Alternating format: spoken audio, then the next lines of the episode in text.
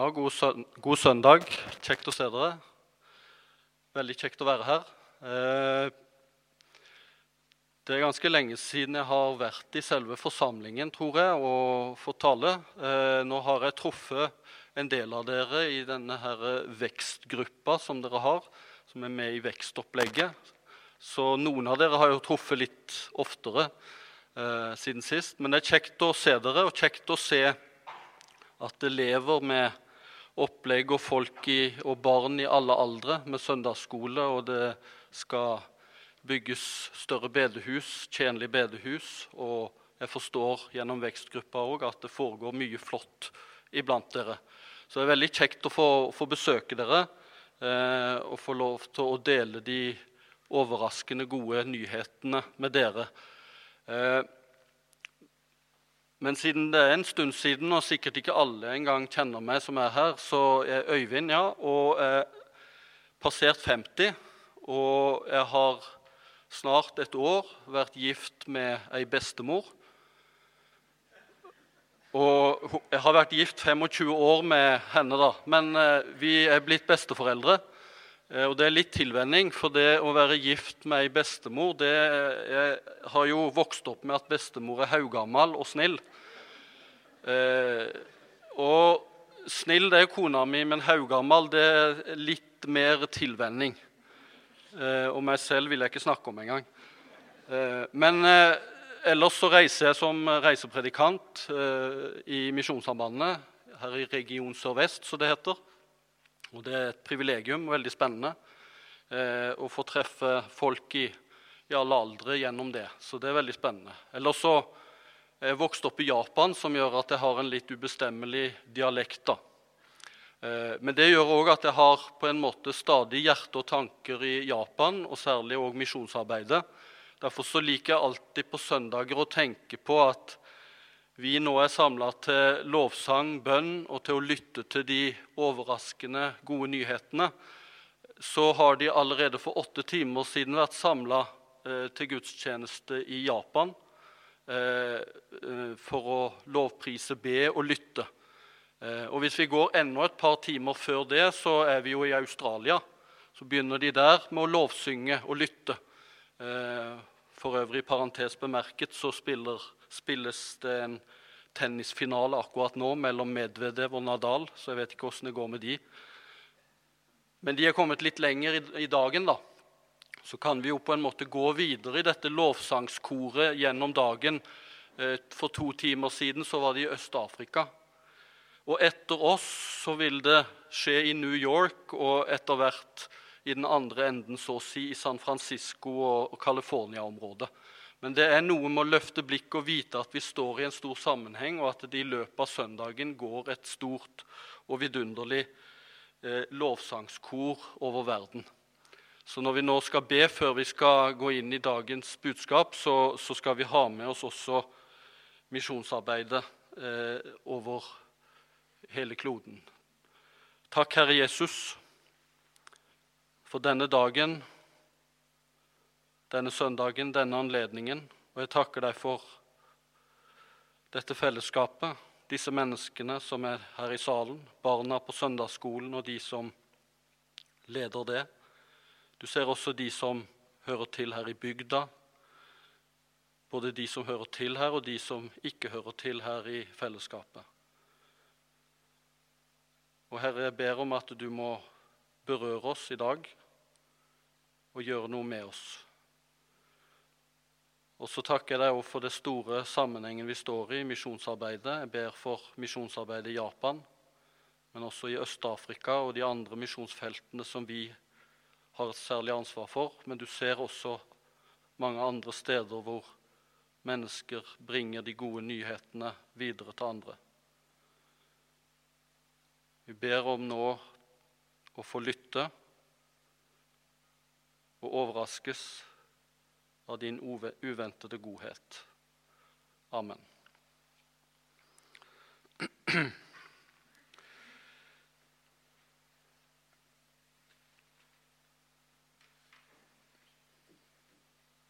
skal nå lese eh, egentlig eh, en fortelling eller hendelse der, eh, der Jesus oppfordrer en til å gjøre noe galt, og hvor Jesus også gjør noe galt, og han blir sladra på.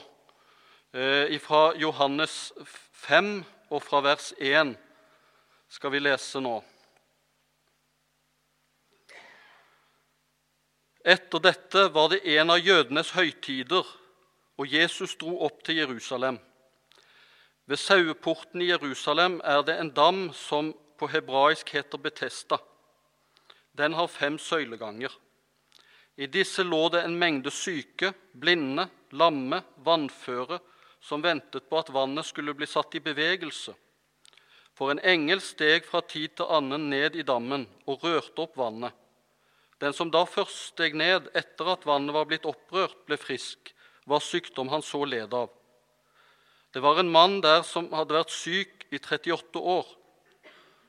Jesus så ham ligge der og visste at han hadde vært syk i lang tid. Han sa da til ham, 'Vil du bli frisk?'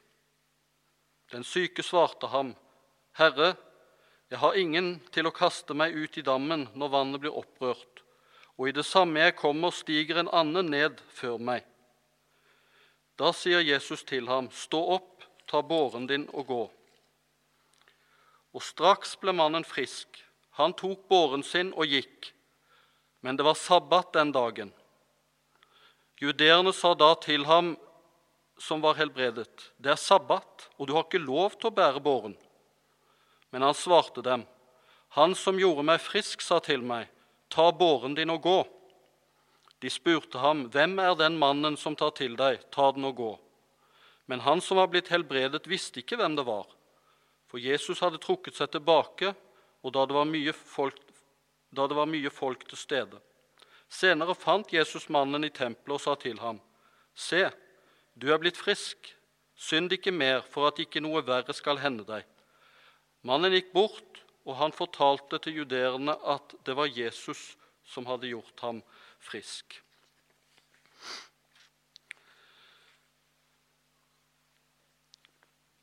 Her blir Jesus sladret på at han har gjort noe galt av en som har gjort noe galt på en sabbat. For det var plutselig fokuset hos en del. For denne mannen han hadde blitt utsatt for en uventet godhet og uventet hjelp når Jesus kom inn i livet hans, denne som hadde vært syk i 38 år. Og så hadde han dette, gjennom dette møtet blitt frisk. Men han får altså beskjed av Jesus om å gjøre noe som ikke var tillatt, som var galt. Å bære senga si, bære båren og det blir påtalt. En kan jo undre seg ja, men i all verden, Det er jo en som er blitt frisk, en som har ligget syk i 38 år. Forrige søndag tror jeg det var, var det også ei dame som var krumbøyd, og som fikk et oppreist liv etter å ha møtt Jesus på sabbaten. Og Også da var det noen som ble sinte og irriterte fordi Jesus hadde gjort noe galt på sabbaten, hadde helbredet den krumbøyde, og i dag helbredet denne lamme, eller iallfall en som ikke kunne gå, hadde førligheten i orden iallfall. Og Så kan en undre seg på dette, men det er sånn av og til når en mister gangsynet, når en har fokus på det som er rett og galt og ikke ser menneskene og ikke ser behovet for barmhjertighet.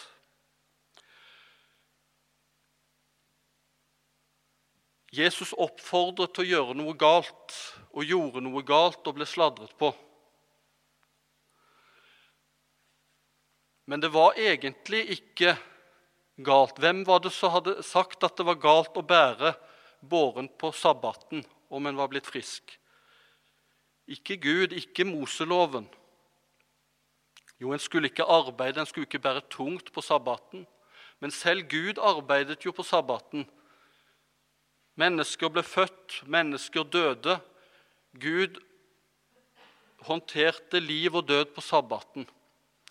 Og Jesus snakker om at min far arbeider, og jeg må arbeide. Men så hadde det kommet inn en del menneskebud, og på den tiden det var mange bud som skulle på en måte verne om sabbaten. Og Da var det veldig konkretisert ned til minste detalj hva en kunne gjøre og ikke gjøre. Og Selv i dag kan en jo oppleve litt underlige ting også i Israel når en ikke på sabbaten de, ikke, de lovtro ikke engang kan trykke på heisknappen. Også i våre sammenhenger kan det ha kommet menneskebud eller skranker eller regler som setter grenser for livsutfoldelse, og iallfall som en kan gå seg vill og blind i, sånn at en ikke legger vekt på det viktige, det å vise godhet, vise barmhjertighet, når en også kanskje må bryte noen av disse menneskebudene, forventningene. For det Jesus hadde fokus på, det var de utslåtte, de utstøtte, de syke, de hjelpeløse. Og da lot han seg ikke hindre av slike skranker. Da måtte han komme, for i dag møter vi en som møter uventet godhet. Vel, han hadde ventet på godhet, han hadde ventet på hjelp i mangfoldige år. Og samtidig, så, når du har venta så lenge, så er det vel sikkert sånn òg at du egentlig kanskje ikke helt venter at du skal få hjelp.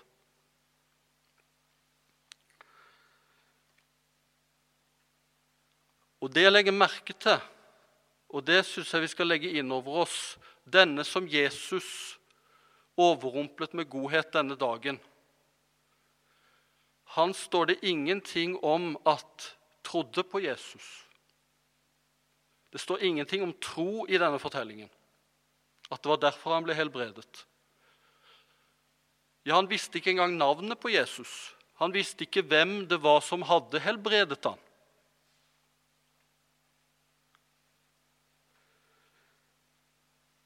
Det er mange mennesker som ikke nesten vet hvem Jesus er, og iallfall ikke vet hva som foregår på bedehuset, og hva koder og hva kultur som er her, og hva som foregår, ikke kan så mye om den kristne tro.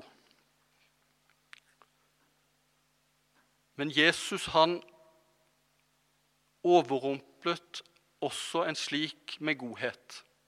Det kan også vi gjøre. Jesus oppsøker syke, utstøtte, urørlige, tollere, syndere og prostituerte der de er.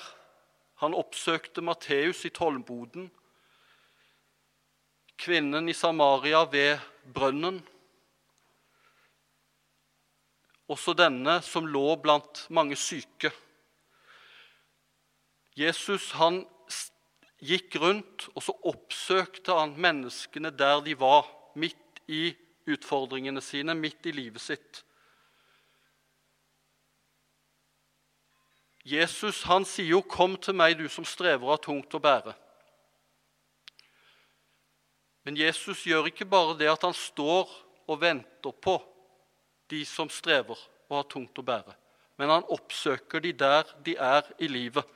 Der de bor, der de jobber. Ved vannkilder der folk møtes. Eller slik som disse syke som er samla ved den berømmelige Betestadammen. Der lå det mange eh, pga. forestillingene om dette kildevannet som rørte seg, og som var helbredende, iallfall for førstemann til mølla. Jesus han møtte folk i øyenhøyde. Det er et uttrykk som, som jeg kom over, eh, hvor det er en dansk filminstruktør eh, som heter Per Fly. Han hadde fanga opp et uttrykk som en frelsesoffiser hadde når han hadde snakket om arbeid blant rusavhengige og andre eh, på gateplan. Eh, hadde sagt det i et foredrag at du må møte folk i øyenhøyde også når de ligger nede. Og Dette hadde Per Fly tatt bokstavelig når han skulle lage en dokumentar om rusavhengige. Så han filmet med kamera når en rusavhengig lå i rennesteinen. Så la han seg helt bokstavelig ned på bakken og filmet den rusavhengige på bakkenivå.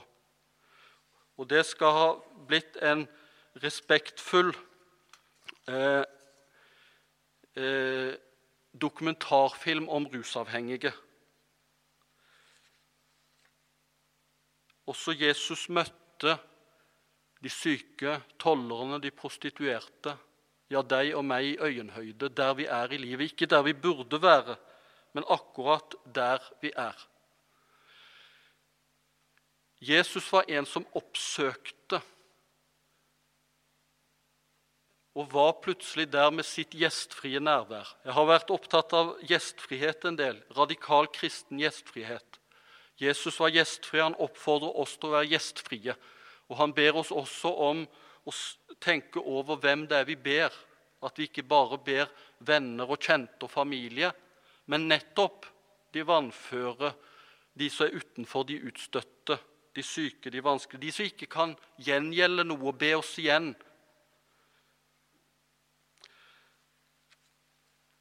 Legg vind på gjestfrihet, står det i Romerne 12, 13. Eh, og det uttrykket 'legg vind på gjestfrihet' det er egentlig et veldig aktivt uttrykk. Det, heter, det handler om å jage, det handler om å forfølge og jakte på. Og Origenes har sagt det sånn at ved å si at gjestfriheten skal forfølges, viser Paulus at vi ikke bare skal motta den fremmede som kommer til oss, Altså Gjestfrihet på gresk for øvrig, det kommer ikke fram på norsk, men gjestfrihet på gresk det betyr å elske den fremmede. Og Derfor så faller dette naturlig inn, at vi ikke bare skal motta den fremmede som kommer til oss. Vi skal i virkeligheten søke etter, lete etter fremmede, jakte på dem overalt for at de ikke skal bli sittende et eller annet sted på gatene eller ligge uten tak over hodet.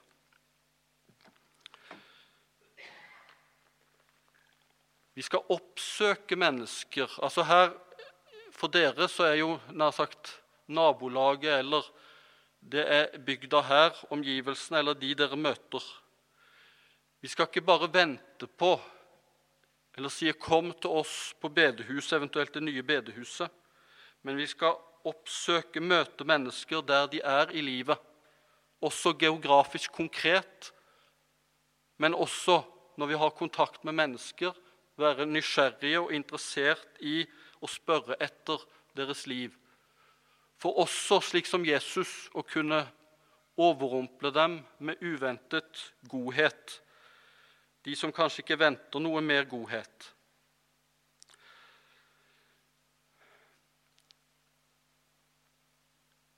Jesus han så denne eh, syke som hadde ligget der i 38 år. Eh, Jesus han så mannen. Har vi blikk så vi ser menneskene rundt oss? Ser vi de som er i nød, og oppsøker dem for å hjelpe dem? Eh, jeg hadde satt en overskrift på, på denne talen eh, 'Mennesker som venter på øyne som ser'. Eh, det er fra et dikt eller en lesesalme, altså en eh, Ellingsen, som eh, jeg leste i jula, eller jeg fikk denne boka av jentene mine til jul. Hender, nei, mennesker venter på øyne som ser. Det er mange mennesker rundt om som venter på øyne som ser nøden, ser menneskene. Så å si hører deres livshistorie. Og han sier det sånn i det første verset.: Mennesker venter på øyne som ser, øyne som oppdager nøden som finnes. Midt i vårt samfunn, midt i vår velferd. Mennesker venter og roper på nærvær, roper i taushet bak ensomhetens murer. Hvem er på post i en nådeløs verden? Hvem følger kallet som lyser imot oss? Nærvær og tjeneste, nærvær og omsorg, øyne som ser. Jesus så denne som hadde vært syk lenge. Ser vi menneskene rundt oss? Mennesker som har vært kronisk syke 38 år. Tenk på det. Det er lenge, det å være syk. Det er mange mennesker i dag som sliter med kroniske lidelser. Både fysiske og psykiske på mange plan. Jeg selv har hatt en kronisk eh, magesykdom og lidelse i det meste av livet mitt og vet litt om det. Og jeg er sikker på noen her i salen også kjenner til det. Og så tror jeg det er en del som opplever også det som, som denne opplevde her. Det var en forestilling, Jeg tror det var en forestilling, en folkelig forestilling. Det som står om denne engelen som steg ned, og den første som kom inn der, eh, ble helbredet. Eh, I parentes bemerket, i de eldste håndskriftene så er ikke denne biten med. Nå er den med i Bibelen, og jeg tror den skal være der. Men det er nok at Bibelen gjengir en folkelig forestilling for det er mange forestillinger om helbredende kilder og helbredende teknikker, helbredende hjelpere rundt omkring, og også i dag. Og Det som òg gjør at jeg tenker at det her i evangeliet, i fortellingen, gjengis folkelige forestillinger, ikke noe som reelt er slik Gud handler, det er jo at det som skjer her, stemmer jo ikke med det ellers hele Bibelen forteller oss eller er det slik at Gud helbreder og hjelper førstemann til mølla? Nei, det er ikke slik vi kjenner vår Herre og Mester, vår Jesus. Det er ikke førstemann til mølla. Men det er mange som kjenner på at Mange av oss som kjenner på at de aldri har trukket vinnerloddet, altså i, i Lotto. Aldri blitt vellykka, aldri de som har blitt suksess førstemann, den beste i klassen osv. Og Det er for så vidt ikke en veldig alvorlig ting, men på mer alvorlig plan, som sliter med alvorlig sykdom, kronisk lidelse, ulykker, krenkelser, påkjenninger i livet, som gjør at de kjenner at de aldri har vært de som skjebnen har som de fort vil tenke hvis de er preget av sånne folkelige forestillinger. Skjebnen hater meg. Mange som tenker sånn at hvis de opplever noe godt plutselig en dag, at noe går bra for dem, så tenker de ja, dette har ikke jeg fortjent. Jeg kan vente rundt neste sving, neste nedtur, neste nederlag, neste nesestyver. Det er mange mennesker som opplever på en måte at de alltid kommer for seint. Og også som han her, som svarer Jesus når Jesus spør vil du bli frisk. Så svarer han jeg har ikke noen til å hjelpe meg, jeg har ikke noen som kan føre meg sånn at jeg kan få den hjelpen jeg trenger. Som ikke har de rundt seg som kunne hjulpe dem. Men som lengter etter, som venter på noen som ser, som ser dem. Jesus så denne. Og så spør han, 'Vil du bli frisk?' Kan jo tenke Det er jo et underlig spørsmål å stille en som er syk. 'Vil du bli frisk?' Selvsagt, vil vi kanskje si. Men det er kanskje ikke så selvsagt og kanskje ikke så underlig. Og kanskje så er det nettopp viser noe av Jesus' sensitivitet. Han presser seg ikke på, trenger seg ikke på. Og han tar på alvor også nettopp der en er i livet, og spør Jeg tror han spør i fullt alvor vil du bli frisk. Har du vært kronisk syk i mange år eller vært sykemeldt i mange år, så vil du kanskje kjenne igjen noe av det som jeg tror kanskje òg dette kan handle om. Nei, det er ikke selvsagt at du vil bli frisk. For du kjenner sykdommen. Du kjenner livet som syk. Og for tiggere og lamme og syke på den tiden, så var på en måte tiggingen velferdsordningen. Det var det som sikra de økonomisk og mat på bordet. Hva i all verden, etter 38 år som syk, hvor skal jeg få penger til mat? Hvor skal jeg, hvordan skal jeg takle livet? Redd for å bli frisk. Ja, det er mange som har vært kronisk syke, som er redd for egentlig å bli friske. Jeg var selv gjennom deler av den kroniske sykdommen også sykemeldt i lange tider. Og jeg husker jeg var redd når jeg ble frisk og skulle tilbake i arbeid. Vil jeg takle det? Vil jeg takle livet, de sosiale sammenhengene? Du blir ofte veldig usosial. Vil du bli frisk?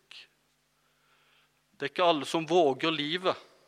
De vet hva de har, de kjenner det å være sykemeldt, å være syk, men de vet ikke hva det vil si å være frisk. Og det å våge livet det er ikke selvsagt. For noen av dere så er det kanskje selvsagt. Men for en del av oss så kan det være en daglig kamp å våge livet. Så jeg syns det er egentlig sterkt og nydelig at Jesus spør vil du bli frisk. Det er et åpnende spørsmål. Men så har Jesus han er ikke bare en som ser. Og han har et blikk som ser, som en har sagt. Han ser bak festklærne og fillene. Han ser det ensomme hjertet. Men han ser også med hjertet, og slik fortsetter Svein Ellingsen. Mennesker venter på hjerter som ser, hjerter som gripes av nøden som finnes skjult bak forkledning, forkledninger, roller og masker. Mennesker venter og håper på nærvær, håper å møte et bankende hjerte. Hvem bringer varme i frostnattens verden? Hvem gir et glimt av Guds kjærlighets ansikt? Nærvær og tjeneste, nærvær og omsorg, hjerter som ser.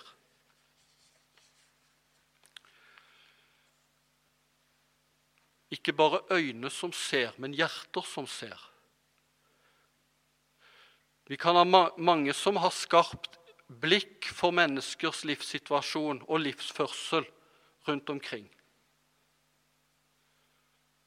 Men mennesker som er syke eller som har det vanskelig, mennesker som ikke kjenner Jesus, ikke vet så mye, de trenger òg mennesker som bryr seg, som har hjerter som ser, som har et barmhjertig blikk som ikke bare ser på en måte feilene deres, nederlagene, sykdommen, diagnosene. Eller ser livsrotet dere, rusavhengigheten.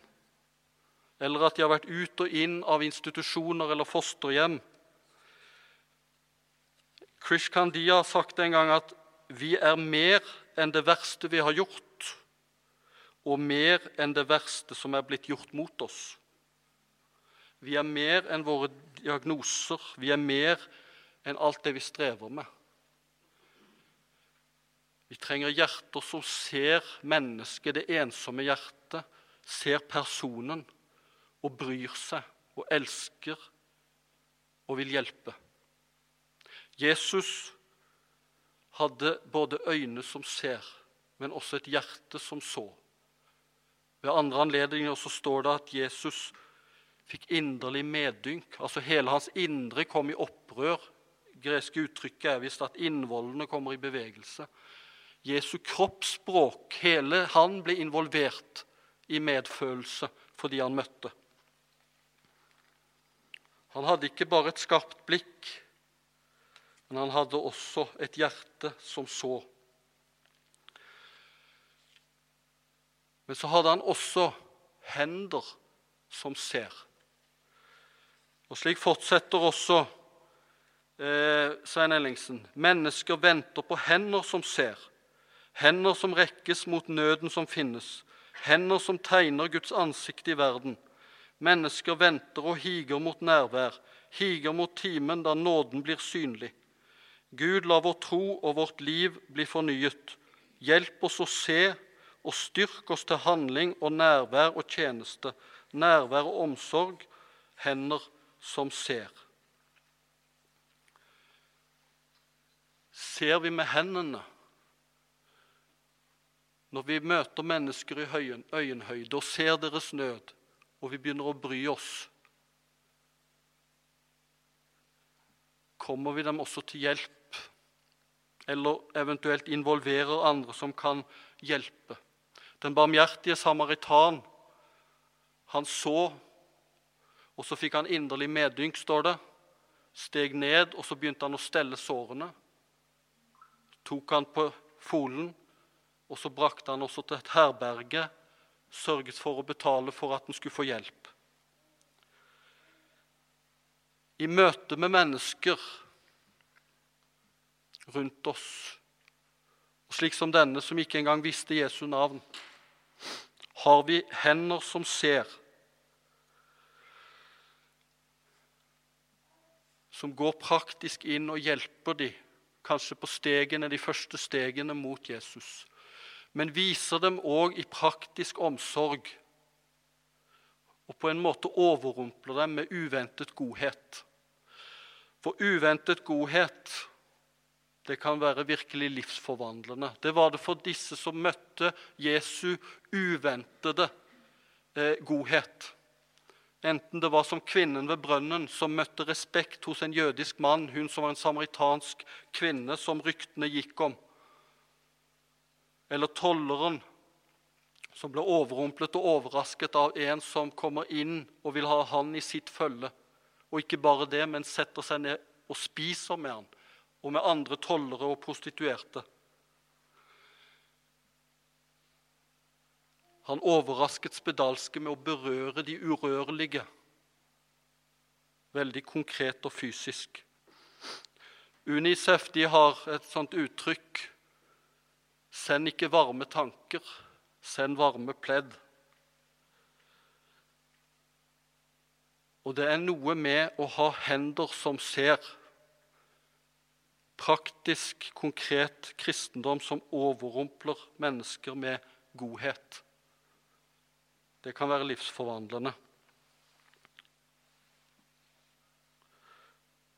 I dette tilfellet så er det Jesus som har det beste å gi til denne. Jesus, han som kan med sine ord reise opp og helbrede. Med sine ord kan tilgi. Han sier til denne, stå opp, ta båren din og gå. Dette hadde ikke han ventet som, som var der. Han, han, når Jesus spør vil du bli frisk, så begynner han å snakke om jeg har ingen til å, å, å, å få meg til denne kilden som han hadde forestilling om skulle hjelpe han. Det er mange forestillinger blant de du vil møte, om hva som kan hjelpe de i de konkrete livssituasjonene eller i forhold til det å bli en kristen. Da må vi òg overrumple dem med de gode nyhetene om Jesus. Han som kan reise opp, han som kan tilgi. Han som kan holde ut med de urørlige. Ta din seng og gå. Eh, jeg leste et dikt av en som heter Thomas Tranströmer, en svenske, som eh, egentlig handler om en annen bibelfortelling, men som jeg syns er litt nydelig. Eh, jeg simmer ut i transe på de glitrende mørke vatnen. En død, dov basunrøst trenger inn. Det er en venns røst. Tag din grav og gå. Tag din grav og gå.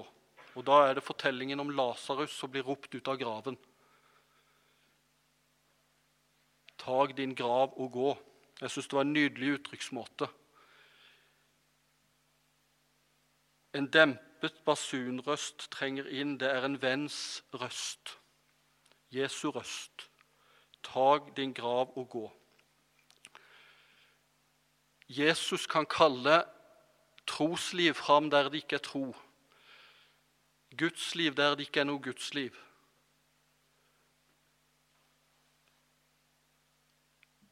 Helse der det, ikke, der det er sykdom. Han kan overrumple hvem det er, med sin milde, men forvandlende stemme. Ord som kan forvandle. Og han er en som holder ut med og vil ha alle. Jeg har fortalt av og til det siste om en, en, en svenske som var ut og inn av institusjoner og fosterhjem fordi han var regnet som håpløs, og folk kunne ikke holde ut med han. Men så havnet han til slutt i en kristen familie.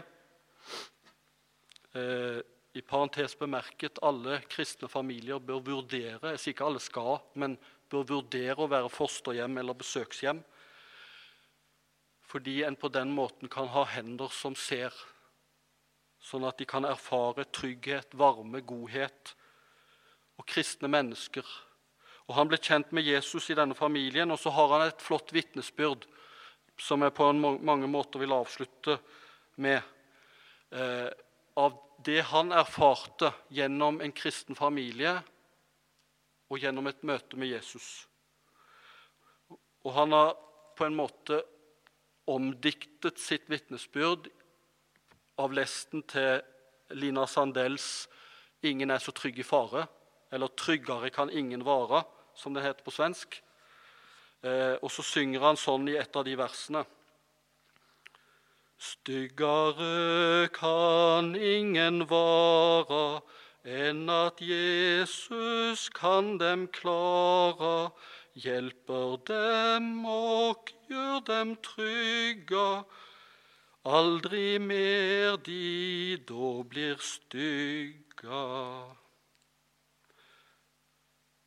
Så uansett om en møter noen som tenker at de kristne kan ikke holde ut med meg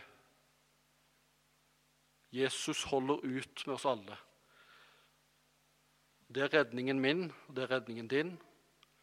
Og det er redningen til de du møter, og de du forhåpentligvis òg oppsøker som en kristen her.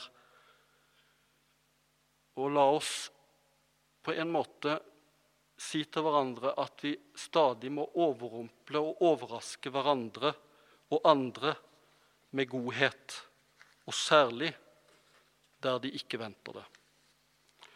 Skal vi takke og be til slutt. Takk, Herre Jesus Kristus, du står her foran meg. Du er også bak meg. Du er på min høyre side. Du er på min venstre side. Du er over meg, du er under meg. Du omgir meg på alle sider. Du bor i mitt hjerte. Du gjennomtrenger meg helt, og du elsker meg, Herre Jesus. Takk og lov for det. Amen.